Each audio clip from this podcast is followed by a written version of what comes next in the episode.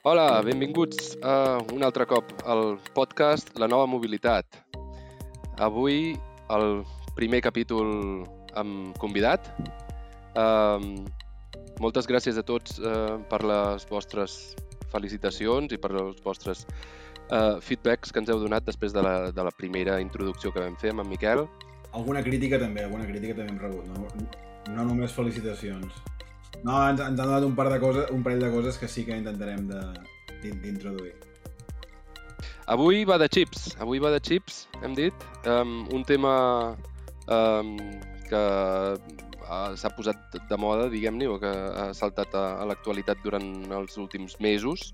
Um, ja, ja venia d'abans, però ara, sobretot amb la pandèmia, um, doncs, uh, ha marcat un, un, un punt molt important posant moltes fàbriques i molts eh, eh, constructors de, de cotxes contra les cordes una miqueta.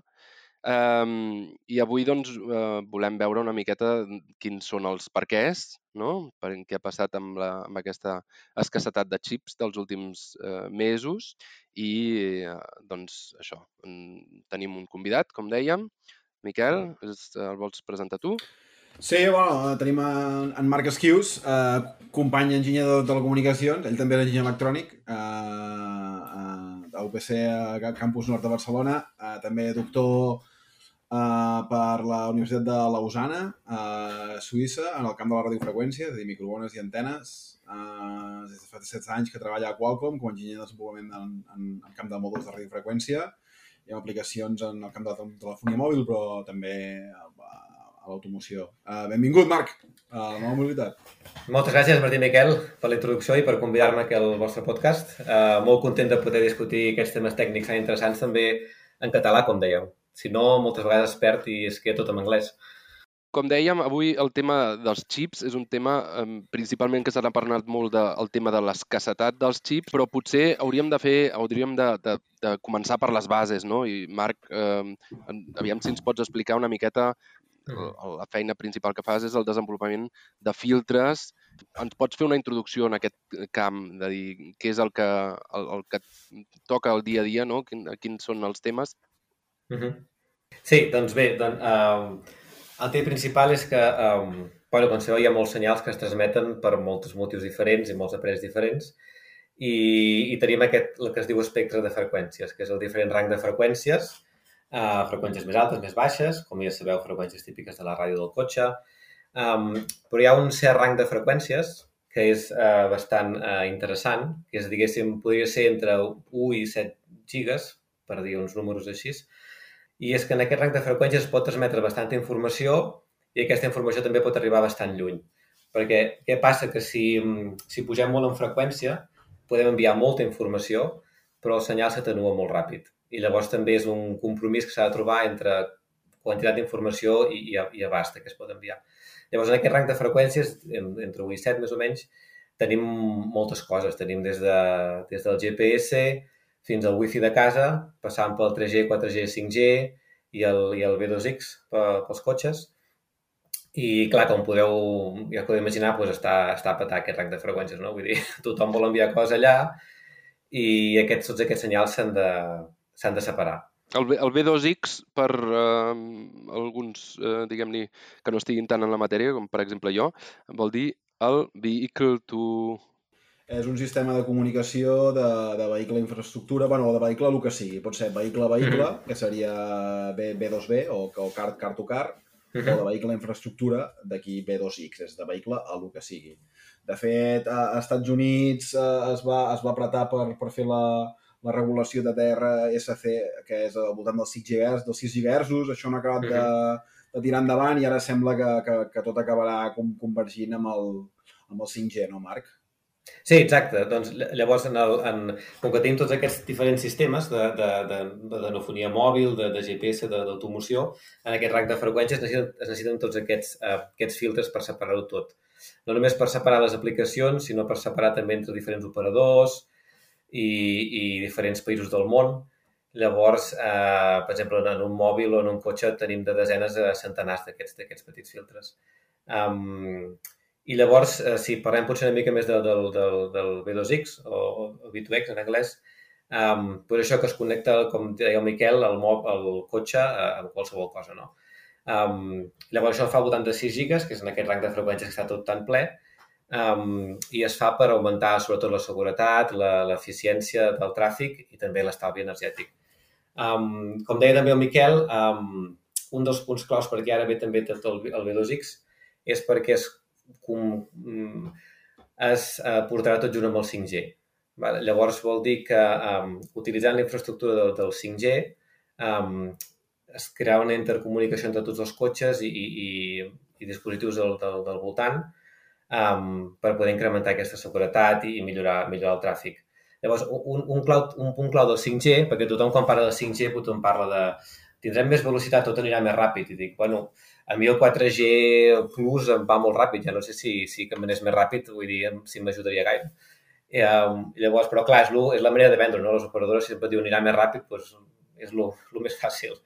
Però un altre punt molt important, sobretot pel tema d'automoció del 5G, és la, és la latència. Latència vol dir el temps que triga un senyal d'arribar d'un punt a l'altre um, en bon estat. Vull dir, no, no només d'arribar d'un punt a l'altre físicament, sinó que d'arribar d'un punt a l'altre sense, sense errors i saber que la informació s'ha transmet correctament.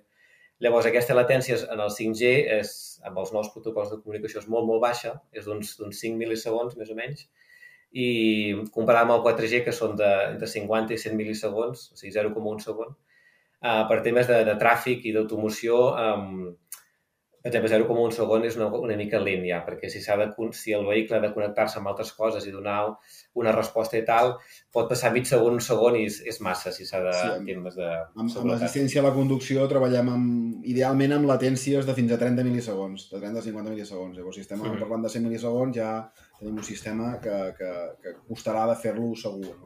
Mm. Exacte, perquè aquests filtres també separen la, la informació important de les interferències, Llavors, si tu, eh, des del nivell més físic, que són els filtres, ja pots separar moltes interferències, llavors, quan arriba el processament de senyal, doncs, ho té més fàcil, no? Vull dir, eh, pot anar més ràpid, també. Llavors, és, eh, el processament de senyal és, és molt important, però, però clar, llavors, si comences amb un senyal més net, diguéssim, també, també pots, pots garantir millor seguretat i una latència més baixa, com deien.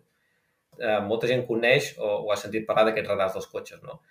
Si el teu cotxe té aquest radar, pots, eh, com, com dèiem, evitar col·lisions, detectar altres cotxes que estan davant teu o darrere o als costats, però és, una, és individual. O sigui, tens un component que és molt, és molt complexa, perquè tot, tot t'ho has de fer tu, diguéssim, tu, tu generes la informació, has de rebre la informació, has de processar la informació, només tens informació teva i, i dels objectes que estan al teu voltant quan tu envies senyals, per exemple. I també eh, es fa a freqüències molt més altes, 24 gigas, 77 gigas, i a freqüències més altes vol dir també, vol dir també components molt més cars, llavors que és més difícil per fer-ho eh, a nivell, eh, a nivell eh, escalable a nivell mundial per diferents tipus de cotxes. Um, però si tu tens aquest radar, tens la teva... funciona molt bé. Llavors, el B2X, eh, la diferència és que són components de freqüències molt, molt més baixes, com he dit abans, del 5G, cap a 6 gigas, i llavors són components molt més, molt més barats, que podries, no podies, podies implementar a molts cotxes, no només els cotxes de gamma alta, com, com passa avui en dia amb el radar, sinó els cotxes de gamma més baixa podien portar-ho. I, I llavors, um, la gràcia del B2X és que la teva informació és molt, molt més rica. Si, si molts cotxes ho porten, llavors es crea tota aquesta xarxa d'informació, que no és només la del teu cotxe, sinó que la de tots els altres, i llavors tens informació molt més rica. El que estem parlant és de la, la popularització una miqueta de, del, um, de que tots els cotxes tinguin aquestes assistències a la seguretat. La democratització. Democratització de uh, la seguretat del cotxe no? en, en sentit de frenades d'emergència, en sentit de, um, bueno, de graduar les velocitats, no? que ja, com parlàveu, en, en cotxes de gamma alta ja ja està implementat, ja fa temps que està implementat, però, mm, diguem-ne, si compres les versions bàsiques o compres eh, un cotxe eh, de gamma més baixa, eh, doncs mm, com a molt tindrà els sensors d'ultrasò que facin el pitu a l'hora d'aparcar i ja està. No? Tant per al cotxe autònom, pel cotxe elèctric, la digitalització ens aporta que els cotxes cada cop tenen més i més xips. i doncs, amb la pandèmia es van ajuntar les diverses coses. A més a més, per l'altra banda, el supply chain, la cadena de, de distribució, es va interrompre per tots els lockdowns que hi van poder haver um, sigui a Xina, sigui a Europa, i bueno, sobretot també vam veure la gran dependència que teníem de, del mercat, eh, o del, dels distribuïdors asiàtics en aquest cas. Um, per on comencem? Mm, Marc, tu com ho vas veure? Com ho vas viure, aquest, eh, bueno, aquesta crisi dels xips que va començar sobretot l'any passat? Com vas dir tu, tots els problemes de la cadena de subministrament els vam tenir igualment, de dir, ara hi ha una fàbrica que està eh, tancada perquè estan en quarantena, ara els altres vaixells tampoc van perquè estan tots en quarantena, vull dir, això ho vam viure igualment. Um, des de... Però com que són una empresa bastant gran, tenim eh, contractes de, a llarg termini amb, amb molts subministradors de xips, llavors una mínima garantia, garantia sí que teníem. Um, I clar, què va passar? Pues, que molta gent estava a casa amb el confinament i no podia sortir a, a, anar al restaurant, pues, es comprava un, algo d'electrònica, no? I llavors per això va fer pujar, disparar tant el, el, tot aquest eh, tema d'electrònica de consum i també realment vam, vam vendre, però vam tenir també problemes de que, de que no podíem subministrar prou, això també és veritat. Eh? Um, de fet, una altra cosa que també va afectar bastant va ser la, una guerra comercial que també va, va venir més o menys amb la pandèmia, una mica abans ja, entre Estats Units i Xina, per temes també de seguretat, perquè molta part de seguretat i infraestructura de, es farà, o s'està fent, o ja s'ha fet també amb el 5G, i llavors, sobretot l'administració del Trump, doncs, que tenia els seus dubtes de comprar moltes components de Xina per possibles eh, problemes o que, que pogués haver-hi. Llavors, eh, això va limitar molt les exportacions. O sigui, qualsevol empresa que tingués lligams amb els Estats Units no podria comprar components xinesos en molts, en molts sectors i clar, això va fer que doncs, les grans fàbriques que hi ha a Xina també doncs, no, no les podís fer servir. Um, I altres temes com, per exemple, empreses americanes van invertir a crear fàbriques a Beijing i llavors que estaven quasi acabades per produir, per produir xips i no es van obrir mai. I llavors, clar, això tampoc va ajudar que hi haguessin més xips.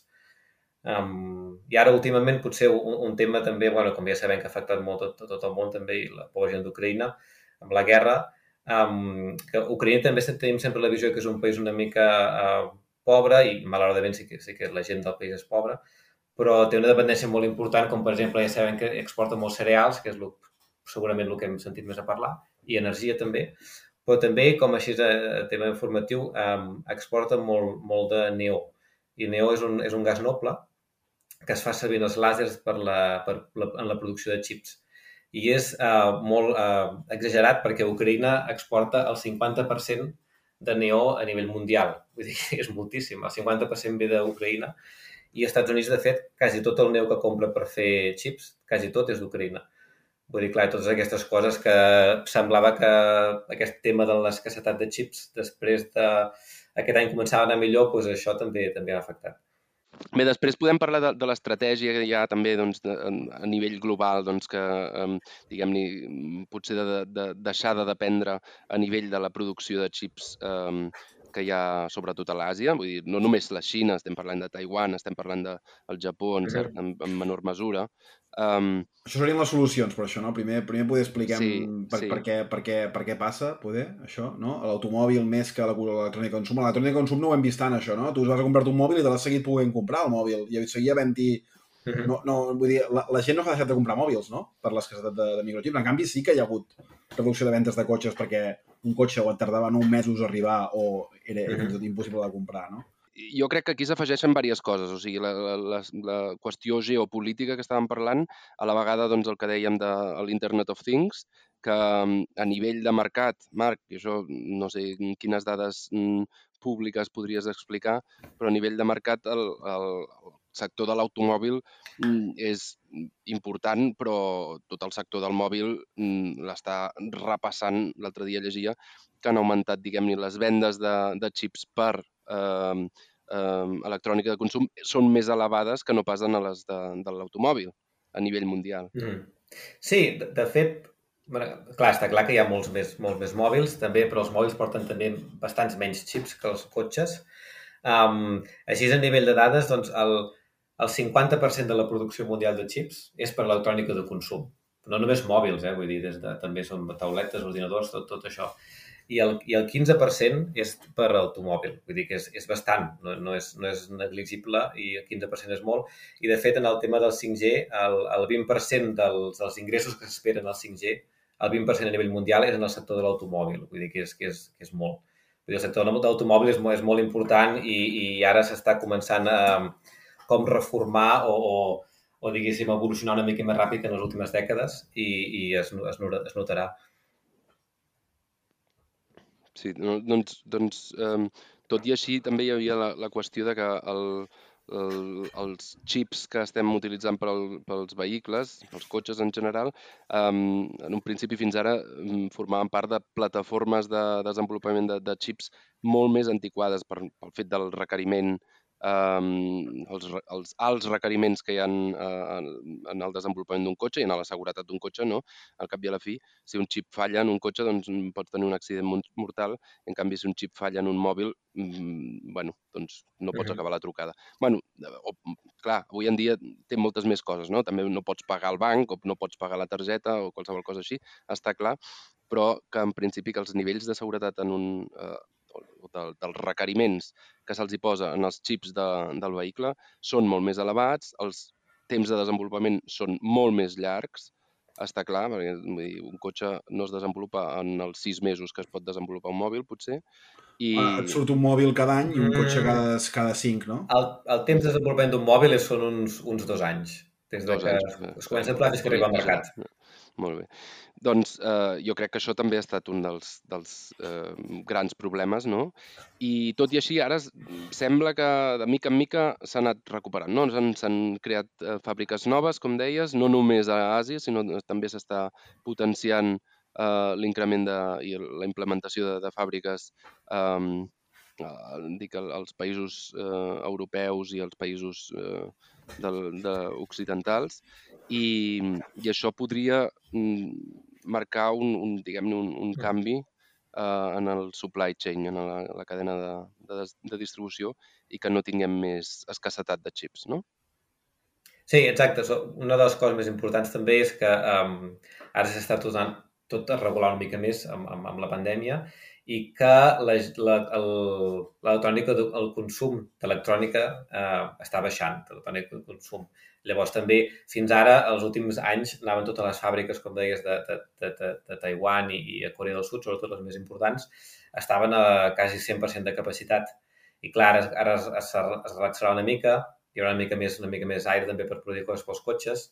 Um, I com deies tu, si vols podem comentar una mica com, com va començar tot, uh, la producció dels microchips, um, dels xips, um, el, va començar cap als a nivells d'escala mundial cap, a nivell cap als anys 70 i llavors allà només, només es produïen a Estats Units, que tenia el 40%, Europa que tenia un altre 40% i el Japó que tenia un 20%. Només es feien allà, que no, és on es van inventar, diguéssim, i com que la demanda no era tan gran, doncs es feia tot en aquests tres països.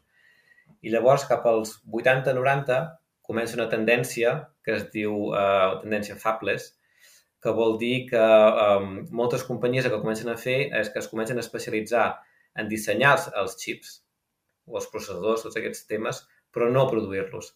I llavors es separa d'una forma vertical les empreses que eh, dissenyen, eh, fan totes les, les màscares i, tot, i tots els processos per als xips, i les altres que s'especialitzen eh, d'una forma molt, molt, molt concreta a, a, a crear fàbriques per, per produir-los. Llavors, eh, això perquè és així és perquè eh, um, per exemple, per, per produir xips no, en, en temes històrics i d'educació i de formació, doncs llavors la gent que, uh, que fa la més innovació i, i, i, inventen nous processos i nous, nous dissenys és Europa, Estats Units i el Japó, però llavors, com, com ja sabem, per temes de, de, de producció i d'eficiència de, a l'hora de produir, doncs els països asiàtics eh, això ho tenen molt més eh, molt més optimitzat. I llavors es va fer aquesta, aquesta tendència i per això avui en dia ara tenim, um, en el sud-est asiàtic, tenim uh, la majoria de, de, de productors de chips, que són, uh, les dues més grans són Corea del Sud i, i Taiwan. A Corea del Sud hi ha Samsung, que de fet Samsung, Samsung fa de tot. Samsung fa des de des de mòbils a rentadores, a produeix semiconductors, vull dir, fa, fa de tot. I llavors a Taiwan, que és la més coneguda perquè fa els xips més punters, però entre aquestes dues fan el 50% mundial de producció de xips. I llavors a la, a la Xina i el, i el Japó cadascun fa un 15% avui en dia. Això vol dir que Europa i Estats Units no, no ens queda res. O sigui, eh, als Estats Units fa un 10% i Europa fa menys, fa un 8% o així avui en dia. Comencem per Xina, no? Per Xina, vale. Doncs, doncs Xina, això podeu comentar, podeu comentar vosaltres potser una mica millor, però en el camp de l'automòbil, de l'automòbil elèctric, um, està no vull dir sobrepassant Europa, però s'ha posat les piles molt ràpid. Vaja, de fet, hi ha hagut la notícia aquesta setmana sí, sí, sí. Que, que BYD és el productor mundial de cotxes elèctrics més gran. Si comptes, crec que era si comptes híbrids endollables... Híbrids, híbrids endollables, sí. sí. La, la notícia ha corregut i ha estat important. De seguida eh, estava comentada per als mitjans americans dient sí, sí, clar, però la fàbrica de Tesla de Xangai va estar parada per el lockdown. O sigui, s'ha de, de mirar també uh -huh. com venen les condicions i BYD, eh, si no m'equivoco, no, ha, no ha hagut de parar en cap moment perquè el, el, la regió on tenen les seves fàbriques no hi ha hagut lockdowns tan forts com, com a Xangai. Parlant de cotxe elèctric, al cap i a la fi, i mm, combinant-ho amb el tema Xina, um, l'altre dia llegim una notícia eh, que deia que, clar, el cotxe elèctric portarà de l'ordre del doble de xips, no? El doble de, o parlem no només de xips, sinó semiconductors en general um, sobretot en, en la part del, del powertrain. O sigui, està clar que en, en les uh, pantalletes serà igual si és un cotxe elèctric, cotxe, cotxe amb motor de combustió, però uh, tota la part del powertrain, tota la part dels el, els convertidors, el, la bateria, els motors, tenen tota una base de semiconductors que no té un motor de combustió.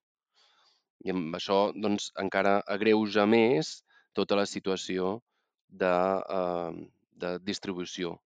Exacte, doncs aquest és un dels punts principals perquè la Xina vol, vol doblar la seva producció de xips en els pròxims 10 anys i és per abastir tota la producció de cop, producció eh, pròpia de cotxes elèctrics.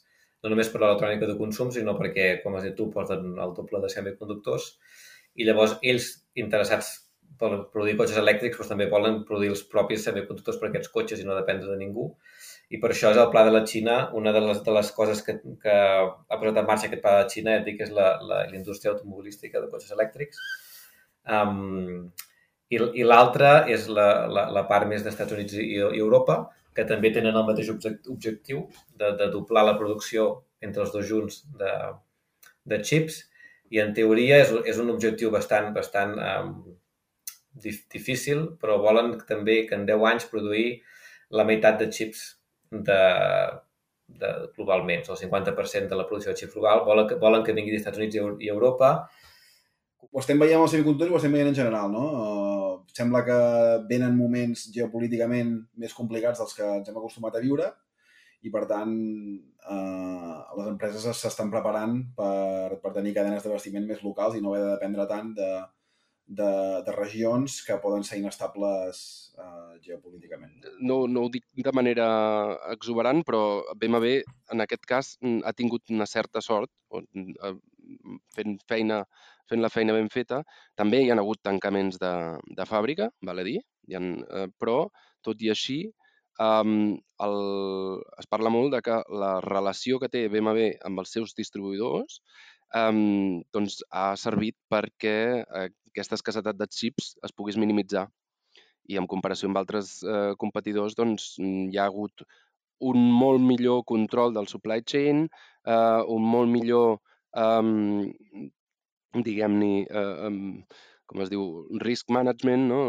la gestió del risc, la gestió de la, de la, de la situació aquesta i eh, ens n'hem sortit relativament bé. En termes, en termes pràctics, i ha un, no sé si encara és el cas, però fa uns mesos tu et demanaves un Mercedes, tarda 9 mesos mínim. Et demanaves un BMW, tardava 4 mesos. Això, això ha fet que gent que podia tirar entre comprar-se un o l'altre, al final es comprava un BMW en comptes d'un Mercedes perquè volia, perquè volia tenir uh -huh. un mhm. cotxe, no? Llavors aquí... Sí, clar. Això ha estat un avantatge de, de, de BMW.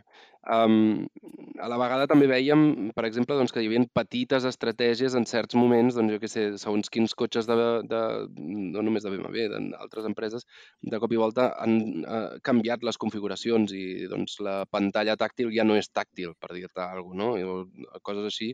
Um, solucions, doncs, justament per això, per tenir un producte de tot, tot i això amb, amb una qualitat molt elevada, que, que, sigui, que fos eh, acceptable per al client, tot i tenir doncs, potser certes funcions potser ja no, no, no disponibles eh, i tot i així poder-lo eh, distribuir o poder que el cotxe pogués eh, eh, ser produït fins eh, en un temps acceptable i no haver d'esperar 3 anys. Aquest, el, I, I en aquest sentit, les empreses que ja han sortit més guanyants són les empreses que tenen més control sobre el software que porten els seus vehicles i més integració vertical dels components. No? I en aquest cas és Tesla.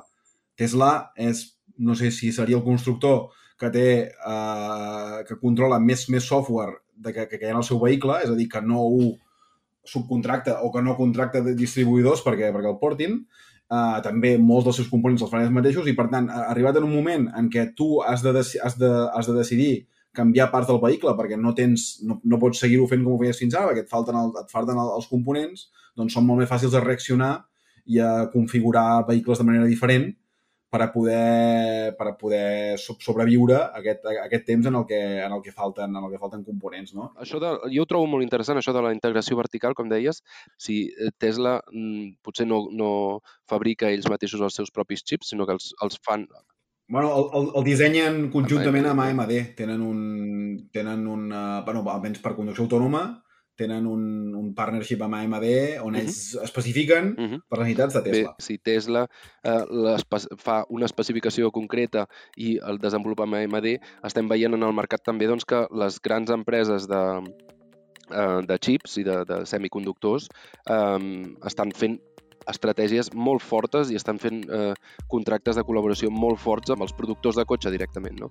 Eh, veiem fa poc justament Qualcomm amb BMW, eh, Mercedes-Benz, amb el que anàvem BMW i Mercedes-Benz molt junts en el cotxe autònom, sobretot, i de cop i volta fa gairebé un any o dos eh, que es van desmarcar amb el tema i van dir no, nosaltres ho farem amb Nvidia, eh, una altra empresa de, molt forta del sector dels semiconductors també que el Tier 1 queda, queda com en sàndwich en, entre, uh, uh, entre els, els proveïdors de, de, de, de sistema on chips i d'algoritmes que, que estan capturant més valor i les OEMs que van cap a baix cap, uh, capturant més software. No?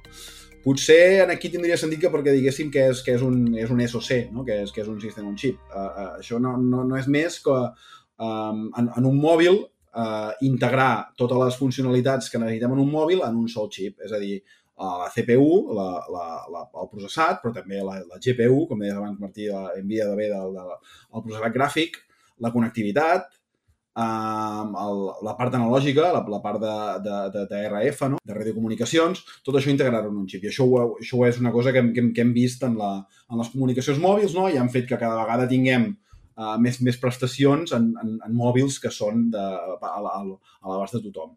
Però això, això es deu a que, diguem-ne, la tecnologia ho facilita cada cop més, les potències del, dels xips són cada cop més, més uh, elevades i, diguem-ne, que la... Sí. Si abans, si no haguessis tingut, doncs, com deies, dos o tres xips, un per cada funcionalitat, com si diguéssim... Bueno, això, això Marc ens ho podrà explicar millor, no? Però el, el, els nodes dels transistors cada vegada són més petits, Sí, exacte, no? Miquel, doncs aquest és el tema que en el passat teníem doncs potser un component era el processador i un altre component separat era la memòria i ara, amb, amb l'evolució de la tecnologia, doncs podem posar, eh, perquè tenim, eh, els transistors, transistors fan més petits, però a més més també podem fer diferents tipus de transistors en, en el mateix procés, tenim més capes i podem integrar, integrar més coses en, en, un, en un mateix xip. Com deies també abans al principi del teu podcast, que la tecnologia més, més clau aquí és el CMOS, i aquí podem, podem integrar un, un munt de coses eh, per fer processament de senyal.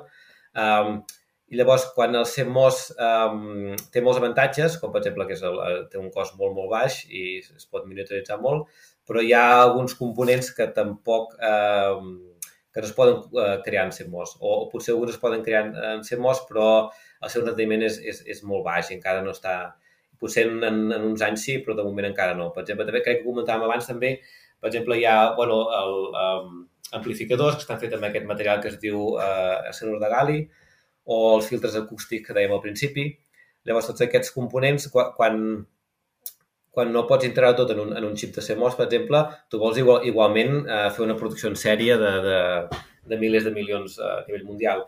Llavors, quan, es pot, quan no es pot fer tot SOC, que és, que és el System on Chip, llavors el que fem és System in Package. Llavors el que fem és eh, a la cadena de, cadena de producció hi ha com una mena de, de laminat, que és el que, el que porta diferents components, i llavors en aquest, sobre aquest laminat posem components de diferents tecnologies. Doncs diem, doncs aquí calen uns quants filtres acústics, es munten tots aquí sobre, aquí calen uns quants amplificadors, es tots aquí sobre, i llavors al final eh, estan tots també interconnectats en aquest laminat i llavors es posa al final un encapsulat i si tu mires des de sobre i no ets del gremi, doncs et penses que és un xip també, perquè es veu només eh, com si fos tot junt. Però a dintre hi ha moltes tecnologies diferents. I llavors aquesta també permet un escalat, no és tan um, agressiu a nivell de preu com el System on Chip, però per, permet un escalatge també a, eh, de, per producció en sèrie a nivell mundial i el que dèiem, no? això el sistema on chip ho hem vist molt en la comunicació, en la comunicació mòbil, no? integrar més i més funcions en un, en un sol xip, tot el que necessita el mòbil ho tenim, ho tenim en un xip, no? en això el, el líder ha estat, eh, almenys per telèfons Android, ha estat Qualcomm, amb la, amb la família, amb la plataforma Snapdragon, no? que va començar el 2007 i que, i que ha anat, ha, ha anat evolució, evolucionant, eh, aportant més i més eh, uh, funcions i més i més capacitat i el que veiem ara és que aquesta plataforma Snapdragon també és la que, és, és la que es porta l'automòbil, no? amb la variant aquesta Ride. Com deies abans també que, que, que ara hi ha aquest, aquest sàndwich entre el tier, el tier 1 i el, el tier 2 en els cotxes, um, també ho hem vist en el mòbil, que abans eh, Qualcomm sempre ha sigut un dels líders mundials de producció de chipsets per telèfons mòbils, però ara veiem des de fa uns anys que els, eh, però Qualcomm ell mateix no fa mòbils, produeix per mòbils. Però ara veiem des de fa uns anys que els usuaris estan uh, molt més conscienciats i, i en, en el tema del, dels processadors, com per exemple Snapdragon de Qualcomm, i que molts, moltes marques com Samsung, una de les primeres coses que, que diuen, o la primera cosa que diuen quan surt un nou Samsung, diuen ei, porta el nou Snapdragon, perquè saben que els usuaris volen tenir el nou Snapdragon. Per, per tant, si um, si continua aquesta tendència, i com deies abans, hi ha aquest sàndwich dels cotxes, si veu un cotxe nou i diu, ui, aquest BMW, BMW porta l'últim Snapdragon, però el Mercedes no, doncs potser hi haurà gent que per alguna cosa tendirà cap al BMW. Amb això, això amb els ordinadors jo ja, ja fa molts anys no, que ho veiem, de dir, hòstia, em compro un ordinador, ni que sigui eh, eh, Hewlett Packard, un HP o un Lenovo o el que sigui, i diu Intel Inside, no? Diu, Porta l'i7, l'i5, quin processador té dintre, no? I, I em compro un ordinador amb un Intel o em compro un ordinador amb un AMD, no? Vull dir, això, això jo crec que podria ser... Veurem, ho, ho veurem, no? S'entén com a mínim en els mòbils que està passant ja i si passarà amb, el, amb els cotxes, no? De dir, hòstia, i, i quin processador porta el teu cotxe, no? Abans, a, abans eh, no, quan érem, quan érem adolescents era el, el tubo, el tubo que portava la motocicleta, no? El tubarro. Després... Quan, després quan, quan, és, o quan, quants cilindres té el, el motor del teu cotxe, no? I ara serà quin és el... Quants, quants el xips de Qualcomm porta la Snapdragon o porta l'Nvidia no sé què? déu nhi No, jo crec que això ja és molt futurista, eh? Això el que estem parlant ja és... Són... Ah, dir... no et pensis, eh? No sé, eh? no, no sé, eh? No sé.